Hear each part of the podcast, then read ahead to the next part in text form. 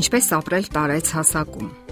Գիտության զարգացման շնորհներից մեկն էլ այն է, որ մարդիկ այսօր ավելի երկար են ապրում, քան նախկինում։ Հաղթահարվել են շատ հիվանդություններ, բարելավվել են տարեց մարդկանց կյանքի պայմանները։ Սրա հետ մեկտեղ, սակայն, երկարակեցություն առաջացնում են նոր հիմնահարցեր, որոնք լուծում են պահանջում։ Ինչպես ապրել տարեց հասակում, ինչ անել թոշակից հետո, սթրեսի մեջ չընկնելու համար եւ ինչով զբաղվել։ Դոկտոր Էրիկ Լարսոնը եւ իր գործընկերները կատարել են ուսումնասիրություններ, ողջելու ֆիզիկական ակտիվության դերը տարեց մարդկանց առողջության բարելավման գործում։ Նրանք 65 եւ ավելի տարիքի մարդկանց առաջարկել են տեստերի մի շարք, որpիսի ուսումնասիրեն հիշողությունը, իսկ հարցաթերթիկներում եղել են հարցեր կապված նրանց ամենշաբաթյա ֆիզիկական ակտիվության, վարժություններ կատարելու հաճախության եւ այլնի հետ։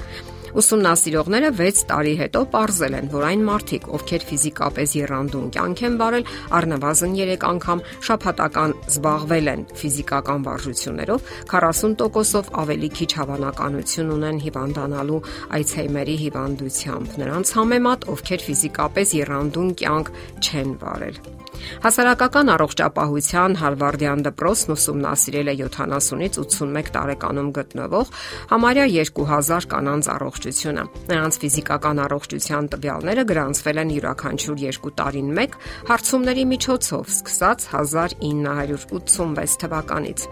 Կանայք բաժանվել են 5 խմբի ըստ իրենց ծախսած էներգիայի քանակի, սկսած ամենացածրից մինչև ամենաբարձրը։ Եվ ողրվել է, որ այն կանայք, ովքեր առավել մեծ ֆիզիկական ակտիվություն են ունեցել, 20%-ով ավելի քիչ էին ենթակա եղել ճանաչողական խանգարումների։ Այն կանայք, ովքեր զբաղվել են դանդաղ առողջարարական քայլքով, շաբաթական առնվազն 1.5 ժամ ավելի բարձր ճանաչողական միավորներ են հավաքել, քան նրանք, ովքեր զբաղվել են քայլքով շաբաթական 40 րոպեից պակաս։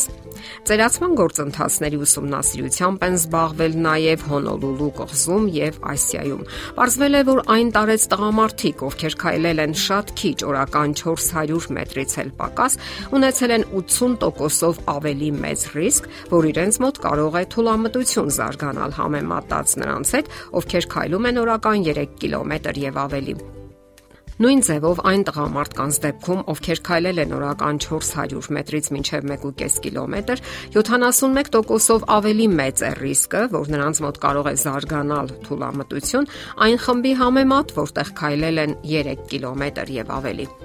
Հետևությունները ծնվում են ինքնաբերաբար եւ միանշանակ են։ Ֆիզիկական երանդուն կյանքը, նույնիսկ մարզումների քանակը մեծապես ազդում են կյանքի որակի վրա։ Ասել կուզի, նույնիսկ տարեցհասակում ոչ միայն կարելի է, այլև անհրաժեշտ է ֆիզիկական երանդուն կյանք վարելը։ Շատ տարեց մարդիկ թոշակի անցնելուց հետո նույնիսկ դեպրեսիայի մեջ են ընկնում, չիմանալով իրենց անելիքն ու հետագան։ Ուսումնասիրությունները ցույց են տալիս մեկ այլ ոլորտի կարևորությունը տարեց մարդկանց կյանքում՝ մտավոր եւ հոգեվոր գործունեության կարևորությունը։ Ստեղծագործական կյանքը դրական հույզեր է ապարգևում մարդուն եւ ապրելու իմաստ հաղորդում։ Շատ նշանավոր ստեղծագործողներ երկար տարիներ մտավոր գործունեությամբ են զբաղվել։ Նրանք չեն ընկել դեպրեսիայի մեջ եւ ծերունական փսիխոզների, չեն զբաղվել ինքնախարազանմամբ կամ ինքնախղճահարությամբ։ Հարգելի տարեցներ, հարկավոր է երանդուն կյանք վարել Եղեք այդպիսին թե ընտանիքում, թե հասարակական կյանքում։ Մոռացեք ինքնախղճահարությունը եւ ինքնակննադատությունը, ինչպես նաեւ ուրիշներին քննադատելը։ Մտածեք ինչով կարող եք հետաքրքիր դարձնել ձեր կյանքը։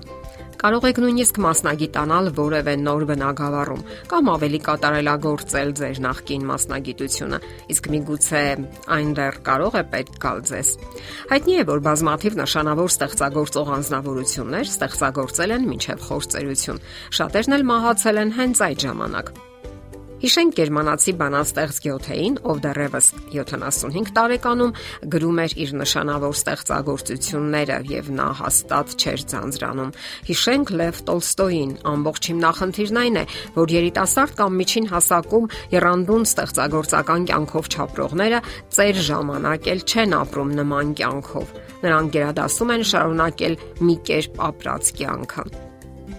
Իրականությունն այն է, որ շատերն էլ ծերանում են դեռ 50 տարեկանում։ Նրանք սպասում են պապիկ կամ տատիկ դառնալուն առանց սպառելու իրենց ստեղծագործական ողջ ուժը։ Նրանց փոխարեն մտածում են ուրիշները, սպառելով նրանց ներուժը քաղաքական իմաստասիրություններով, հերոստացույցի արչև վատնած անիմաստ ժամերով, հարևանների անկարևոր parzabanumներով, ուրիշների կյանքի մասին մտքերով եւ այլն։ Պատմում են, որ բանտարկված մի անznավորություն մահապատժից առաջ ջութակ նվագել էր սովորում բանտում։ Զարմացած բանտապահին նա ասում է. իսկ միգուցե այն ինձ դեռ պետք կա Իսկ միգուցե ես ներում ստանամ։ Նման ձևով մեկ այլ նշանավոր ջութակահար Պաբլո Կասալսը 85 տարեկան հասակում ամեն օր 5 ժամ պարապում էր եւ կատարելագործում իր արվեստը։ Եվ հարցնողներին այսպես էր պատասխանում. Գիտեք, ինձ մոտ ամեն օր ավելի ու ավելի լավ է ստացվում նվագելը։ Ես ամեն օր ավելի լավ եմ նվագում։ Այսպես ուրեմն, պետք չէ տրվել հորետեսական տրամադրություններին։ Ապրեք հարուստ եւ ստեղծագործ կյանքով։ Մտածեք ինչպես բարելավել ձեր առողջությունը եւ զբաղվեք որևէ օգտակար գործունեությամբ։ Որոշեք թե ինչն է ձեզ համար ավելի հոգեհարազատ։ Համոզված եղեք, որ դուք ոչ մեկից վատը չեք եւ շատ բան, եթե ոչ ամեն ինչ, ձեր ձեռքերում է։ Համոզված եղեք, որ դուք ոչ մեկից վատը չեք եւ շատ բան, եթե ոչ ամեն ինչ, ձեր ձեռքերում է։ Միգուցե հենց ձեզ համար են նշանավոր գրողի հետեւյալ տողերը։ Վարքյանների պահերի գեղեցիկ թելերով հյուսիր կյանքիդ եւս մեկ գեղեցիկ օրը։ Մի ափսոսա անցածը, երբ դու շփոթված ես ու չգիտես որ կողմը գնալ, հավատով ու վստահությամբ դիմիր Աստծուն։ Միայն նա կարող է գտնել ու վերականգնել քո կորուստները։ Իսկ նշանավոր գրող Ակունինը գրել է. Եթե նույնիսկ դեպի անդունդն ես գլորվում, մի կծկվիր վախից դողահար, այլ նայր շուրջ բոլորդ, հանկարծ կհաջողվի կարճել ինչ որ բանից։ Եթերում է առողջ ապրելակերպ հաղորդաշարը։ Ձեզ հետ է Գեղեցիկ Մարտիրոսյանը։ Հարցերի եւ առաջարկությունների համար զանգահարել 033 87 87 87 հեռախոսահամարով։